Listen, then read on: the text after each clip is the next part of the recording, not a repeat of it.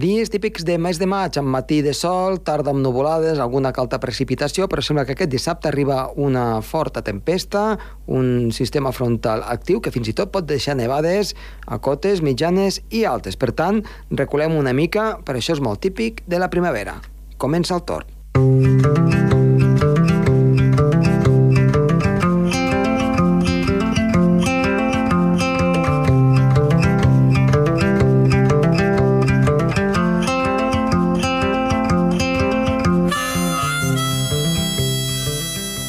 en el programa d'avui del Tor parlarem, com no, del polen d'aquests dies, de la primavera, també de la previsió meteorològica i de les sèries, en aquest cas, meteorològiques més antigues que hi ha en el món, a part de fer una mica un repàs a una teoria d'Einstein i de Bohr, la qual indica com les partícules poden canviar si les mirem o no les mirem.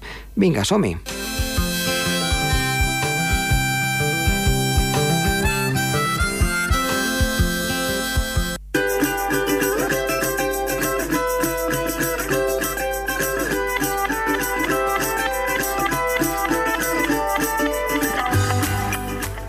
Iniciem el programa, com sempre, amb el nostre company Gerard Tauler. Gerard, molt bona tarda. Hola, molt bona tarda, Josep Tomàs. Doncs bé, aquesta setmana què ens portes? Les sèries climàtiques i històriques, les sèries que tenen més de, de 100 anys de, de longitud. Per tant, sèries climàtiques de presa de dades de les estacions meteorològiques, diguem-ne, i que han esdevingut doncs, les més llargues, no? Sí, I quines són aquestes? n'hi ha forces. Aquí a Barcelona, la, la, la, la, el primer... La primera observació la feia, em sembla, ara, ara me'n recordo com es deia, però sembla que l'any 1880 ho feia un, una persona rica, feia observacions i el Servei Meteorològic de Catalunya ha reconstruït la sèrie des de 1680 fins ara. Mm, des del 1680. 1780. 500. aproximadament, Mhm. sí, sí, sí, sí. déu nhi per tant, més de 500 anys, eh? No, no, més de 200. Ah, 200.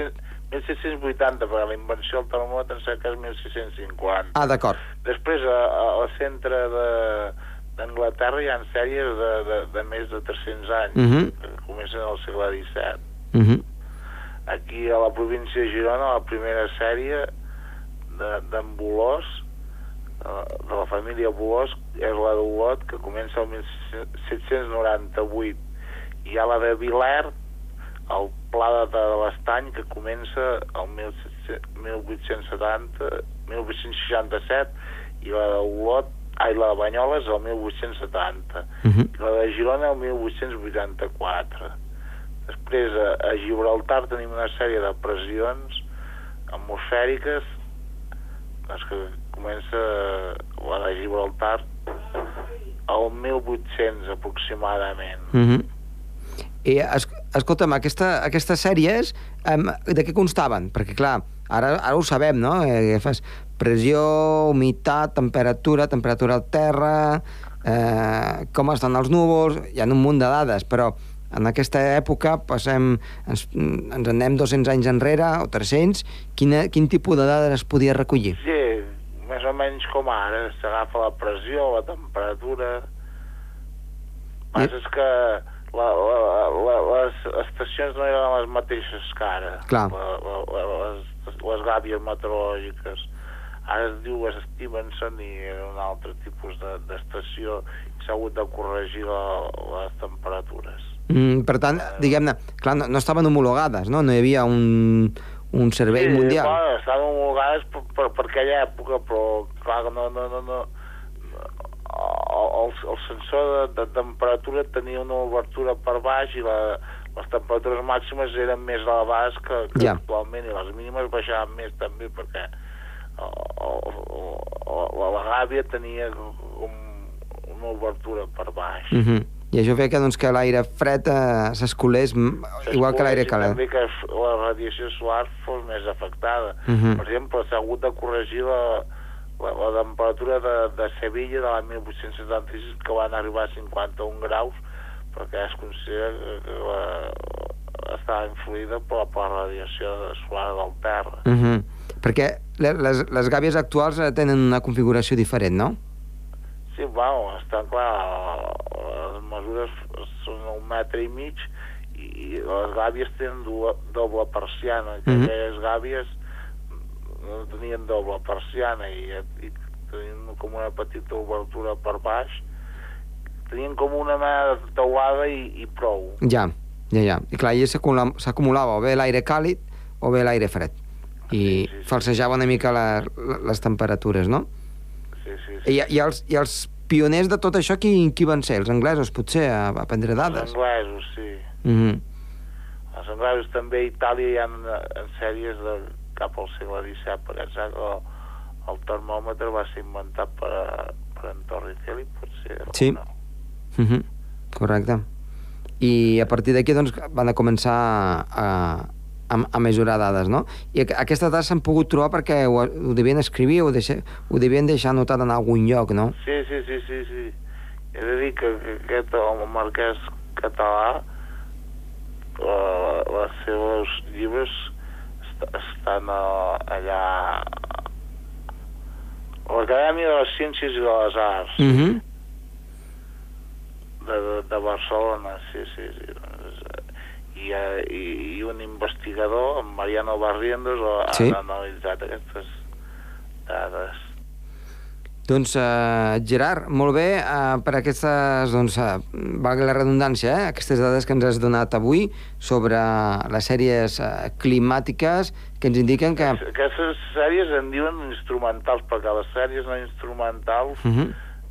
doncs, són de, de, de molta més longitud, però això ja en parlarem un altre dia. D'acord.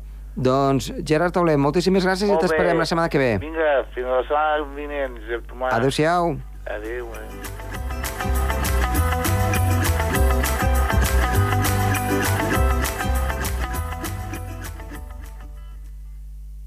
El Torb, amb Josep Tomàs.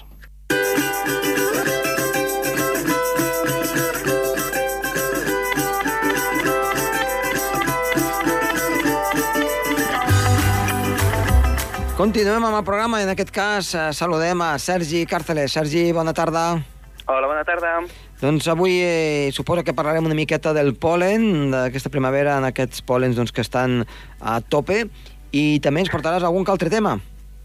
Doncs sí, parlarem primer del pol·len, i és que ara està amb nivells molt elevats, i després també parlarem una mica doncs, de com ha anat evolucionant la temperatura mitjana de la Terra, i així ho lligarem també una mica amb el que vindria a ser el canvi climàtic i totes aquestes discussions que es tenen avui en dia, de si és per causa de l'home, si no és causa de l'home, Mhm. etc. Doncs fantàstic, comencem.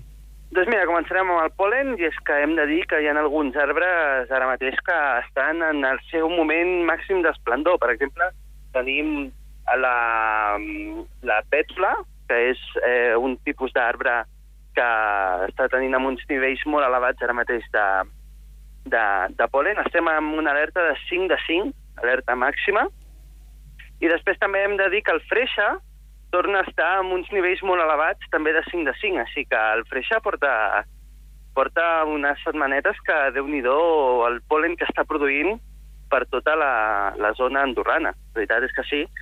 I després també hi ha alguns altres arbres que ara mateix tenen uns nivells bastant elevats també, com per exemple tenim el, el, el roure, hi ha algunes que està també ara bastant elevat, Uh -huh. i els fongs ara mateix estan en un nivell bastant més, més baix. Aleshores, l'evolució quina? L'evolució que tenim ara mateix és de que, bé, a causa doncs, de les pluges i altres temperatures, com hem anat dient, no? doncs ara els arbres ja doncs, estan en el seu màxim esplendor de fotosíntesi i això es va notant bastant amb, amb aquest doncs, eh, increment de polen que podem veure que hi ha per, per, tot, el, per tot Andorra. I bé, l'evolució que diríem és que això seguirà bastant, bastant igual durant uns dies, sobretot algunes setmanetes més. Uh -huh. Tindrem una polinització bastant elevada, i... però bé, la veritat és que això seguirà així durant unes eh, setmanetes, així que tota aquesta gent que sigui al·lèrgica al polen doncs haurà de, de vigilar encara, però bé, és lo normal, no? Estem a la primavera encara, Uh -huh. estem a principis de maig, ens queda almenys un mes, mes i mig mes de primavera forta i després ja esperarem l'estiu en el que, bé, el polen ja anirà disminuint. Doncs uh, ho, ho anirem seguint a, a veure com evoluciona i aquí ho explicarem. I el segon tema era sobre les temperatures del planeta Terra al llarg de- d'aquests uh, mil·lennis, uh, al llarg de l'evolució de, des de, de que existeix la humanitat, aquests últims segles, des de quan ens ho vols explicar perquè ho puguem entendre una mica. Doncs mira, en principi explicaré dels últims eh, mil·lennis, val? parlarem sobretot dels últims 7.000 anys, 8.000 anys, i és des que, sí, bé, eh, avui en dia s'està parlant no, de que la temperatura mitjana de la Terra està pujant molt, que això és a causa del canvi climàtic i que mai havíem tingut valors tan elevats. Sí que és veritat de que ara és, és, és una realitat, no? està pujant, i segurament el factor humà té un paper important, i és que amb l'emissió de els gasos d'efecte hivernacle, etc, doncs nosaltres el que fem és incrementar aquesta temperatura, però cal dir que aquesta no és l'única raó, i és que el planeta Terra, de per si, ja té uns cicles, uns cicles de gelades, o, de, o direm edats de gel, no? I després també tenim algunes eh, èpoques interglacials, que se li diuen així, que és quan la temperatura de la Terra augmenta. Són canvis de temperatura que passen eh, cada 1.000, 1.500 anys, més o menys, va variant, no és mai exacte, i això són cicles que té la, la Terra de per si. En, eh, o sigui, és una cosa que no, el factor humà no, no ha contribuït mai, i és que, en veritat, el, nosaltres, l'emissió que fem de d'efecte hivernacle, d'emissions de CO2, etc etc, estem parlant dels últims 150 anys, 200 anys com a molt. Llavors, clar, el planeta Terra té una història molt llarga que fins i tot eh, encara desconeixem bastant i podem dir de que la temperatura que hi ha actualment ara mateix a la Terra, que és d'uns 15 graus de mitjana, 15-15,5, um, anteriorment la Terra ja havia arribat a aquests valors. I direm dos exemples. Una és a l'edat mitjana, Sí. i és que a l'edat mitjana la temperatura de la Terra era igual d'elevada que ara i fins i tot un pèl més. Mhm. O sigui, a l'edat mitjana la veritat és que van haver factors doncs, molt, molt bons, molt agradables perquè doncs, hi hagués, eh, diguem, eh, una gran... Eh, fa factors condicionants de- d'augment de, de població de la, del planeta. I després també hi ha altres dos exemples. Un és el que s'anomena el Holoceno o el Holocè, que estem, estem parlant de fa uns 5.000 anys Sí. d'antiguitat, que si parlem ara de 3.000 anys abans de Crist, més o menys, estarem parlant de, mm, bé, els egipcis i totes aquestes civilitzacions antigues. Diríem que sí que sí és el principi de les civilitzacions no humanes, i és que, bé, el que estem dient, quan el planeta Terra té temperatures elevades, la vida és més favorable, no només per l'ésser humà, sinó també per les espècies animals. Eh, un clar exemple també tenim era en l'època de l'imperi romà, Sí? i és que l'imperi romà eh, va conquerir grans territoris, com sabem, va conquerir quasi tot el Mediterrani, i eh, bé, era un imperi molt gran, era un imperi molt, molt ric no? en substàncies, però va haver un moment que va tenir una caiguda, la caiguda de l'imperi romà, i no només es deu a factors religiosos, com podríem eh, suposar, no? sinó que també tenia, i és una curiositat, també tenia doncs, alguns factors condicionants del clima, i és que tenir un, tenir un imperi tan gran, mantenir un imperi tan gran, però començar a patir una petita glaciació, doncs això fa que molts eh, cultius no es poguessin conrear, la gent passés gana, la gent hagués d'emigrar, i això va crear molts problemes socials, econòmics i fins i tot polítics, no?, Mhm. que va fer que la caiguda de l'imperi romà. Així que vol dir que el clima, vulguem o no, ha tingut un paper molt important al llarg de la història del nostre planeta, i no és a causa nostra, sinó pel planeta mateix, que va tenint aquests cicles. Després també hi ha hagut petites edats de gel, per exemple, no fa molt, i estem parlant de fa uns segles, Mhm. va haver una petita edat de gel que va durar 200 anys, del 1600, 1700, tirant més, Mhm. fins al 1800. Estem parlant d'una petita edat de gel en el que mm, la meitat d'Europa estava nevada quasi contínuament i fins i tot hi ha algunes il·lustracions on es veu el riu Tàmesis Mhm, i que tant. estava congelat i la gent feia ja la fira, feia comerç, feia mercat a sobre del riu. O sigui, imaginem quin gruix de gel hi hauria d'haver perquè poguessin fer aquell mercat a sobre del riu, que ara mateix seria impensable, no, no ens podríem imaginar el riu congelat. I tant, i tant. Eh, per això, això ens mostra que era abans de la revolució industrial, per tant, de factor humà condicionant d'augment de temperatura no, no era possible, era per una, per una causa natural. Sí.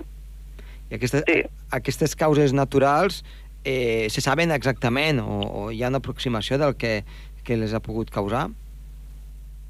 Bé, eh, una cosa que té a veure són els cicles solars, Mhm. i és que el, el planeta Terra es va movent, és veritat, el seu moviment és, um, és semblant al llarg de tots els anys, però sí que és veritat que el Sol té uns cicles, i en vegades que hi ha taques solars, estem parlant de les taques solars, no? Sí. Existeixen aquestes taques solars que quantes més hi han, més fort és el, la radiació solar en aquell moment, no? Llavors, eh, sí, hi ha alguns condicionants que són més astronòmics, en veritat, que meteorològics, no? Encara Ja. que cal dir que sí que és veritat que algun cop, quan hi ha hagut alguna erupció d'algun volcà molt fort, Uh -huh.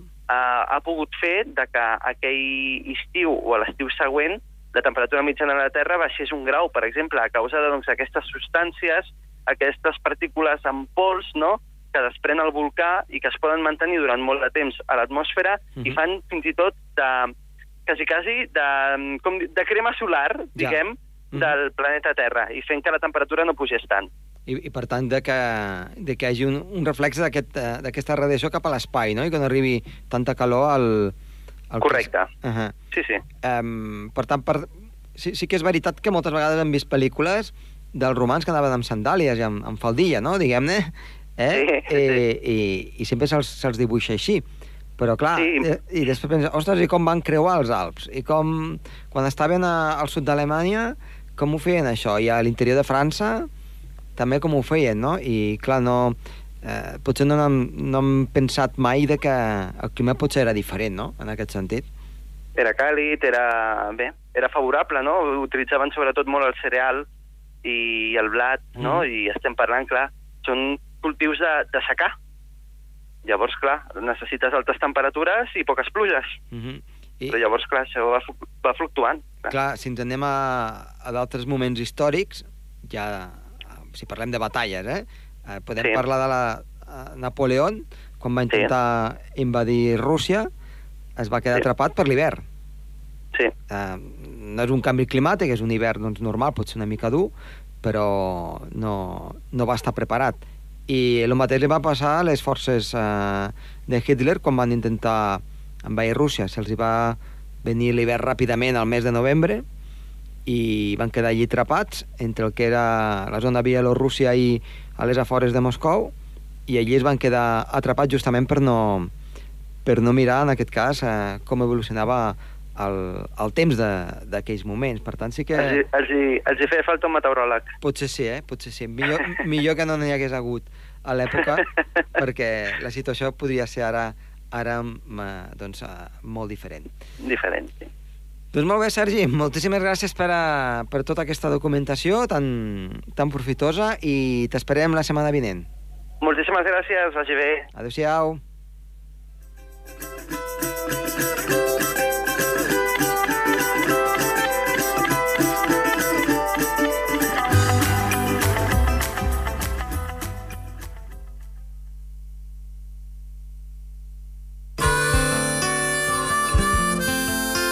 El Torb, amb Josep Tomàs.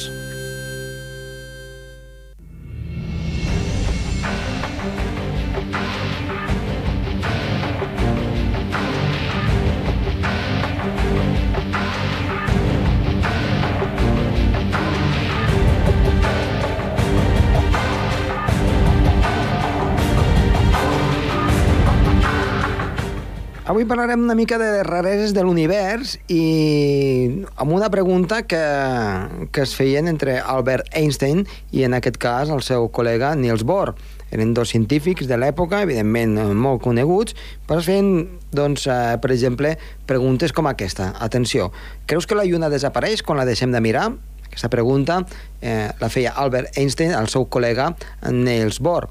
i resumeixen una mica la idea del clau del pensament de- d'aquest geni, que, que seria Albert Einstein, que les propietats de les coses estan definides de forma objectiva, independent, que les mesurem o no, això no té res a veure, i podríem dir que és un realisme local. Per tant, una cosa és com és, perquè l'hem vist, l'hem tocat i l'hem pogut mesurar.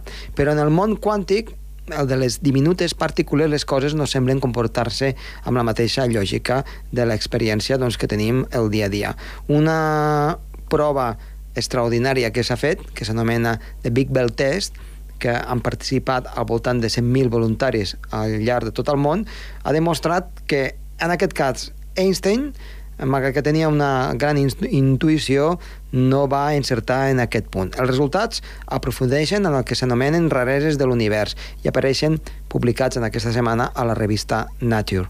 Un dels aspectes més interessants és que no han estat les màquines les que ho han aconseguit, sinó la capacitat humana de lliure albir, per tant, de lliure decisió. Per exemple, anem a, a profunditzar una miqueta en aquest tema. El dia 30 de novembre de 2016, l'Institut de Ciències Fotòniques de Barcelona va convidar a que qualsevol persona pogués, eh, que pogués estar interessada a enfrontar-se a un videojoc en línia en el que s'havien d'introduir zeros i uns de forma aleatòria, per tant, com volguessin. La la, aquesta convocatòria va ser tot un èxit i es va superar amb escreix els 30.000 participants que els científics consideraven necessaris pels seus propòsits. Els voluntaris, coneguts com a Bellsters, van generar més de 90 milions de bits que van ser enviats a experiments quàntics simultanis repartits en 12 laboratoris arreu del món, Austràlia, Estats Units, a Itàlia, Àustria, Alemanya, Suïssa, a França i també a Barcelona i Argentina. Eh, El que l'equip tractava de dur a terme és un test de Bell, que a nivell mundial i amb participació humana va donar una sèrie de resultats que veritablement van sorprendre i molt. Aquest test de Bell s'utilitza des de fa molts anys per comprovar si dues partícules subatòmiques situades en direccions diferents, A i B, per tant, a dos punts que no tenen res a veure un amb l'altre, s'influeixen entre si sense importar la distància. Si aquest és el cas, pot implicar dues coses sorprenents. Una, que el mesurament d'una partícula afecta instantàniament a l'altra, o el que és encara més rar, que les propietats de les partícules mai van existir realment, sinó que van ser creades pel mateix mesurament en si. És a dir, que canvien quan les mirem. Una mica una cosa de bojos, eh? Però Uh, aquesta situació posava molt nerviós a Einstein en aquest cas perquè no s'ade- no s'adheria al que ell pensava, sinó que era una mica una cosa de lliure, lliure albir. Per tant, si tu mesures una cosa i al mesurar-la canvia les seves propietats, això trenca totalment amb el que és la física. Per l'autor de la teoria de la relativitat general, l'univers és independent de les nostres observacions i no hi ha cap influència que pugui viatjar més ràpid que no pas la de la llum. Això però amb aquesta teoria, amb aquest experiment, es trenca totalment i es veu que la teoria quàntica no és el mateix. Per tant, que es trenca aquesta situació, ja que no es pot explicar aquest estrany comportament de les partícules, fotons o electrons, que es parlen entre si a grans distàncies o es comporten de manera diferent si l'estem mirant o no les estem mirant. Per tant, és com si quan miréssim la Lluna eh, brilla més i si no la mirem no brilla tant. Una mica seria aquest eh, l'exemple que, que els volem explicar.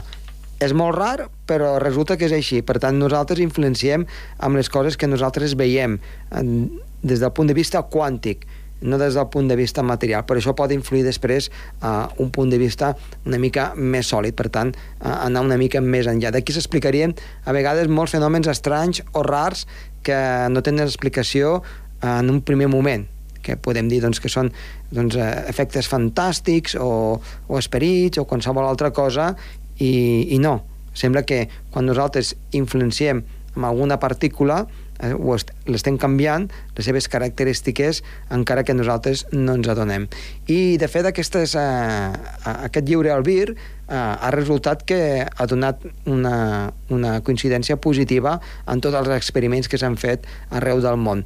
I això mm, fins ara havia estat sempre realitzat per ordinador o per, generador, o, o per generadors de, de nombres aleatoris, però és que en aquest cas eh, s'ha fet per únicament al nostre servei, per persones que feien servir aquest joc online i introduint diversos números i a partir d'aquí s'han pogut fer aquests experiments. Per tant, hem fet una passa més enllà la confirmació del que és el realisme local, que no és una descripció correcta de l'univers.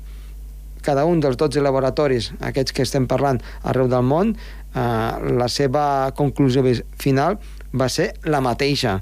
I això eh, al final explica i dona la coincidència de que en aquest cas Einstein tenia una intuïció fantàstica, però alguna de les idees que va proposar doncs ara s'ha vist que no eren correctes i en aquest cas eh, seria Bohr qui veritablement tindria la raó en aquest aspecte.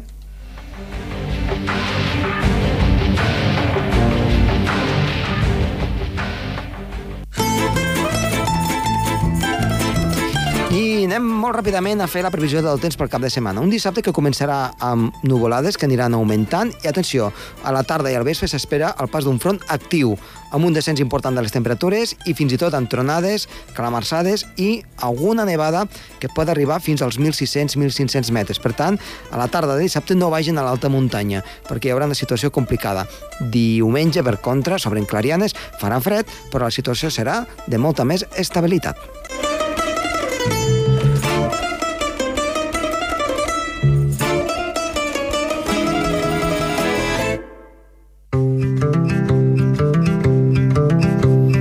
Fins aquí el programa d'avui. Esperem que els hi hagi agradat. Està de les vides de so, Toni Escur, i que us ha parlat molt de gust, Josep Tomàs.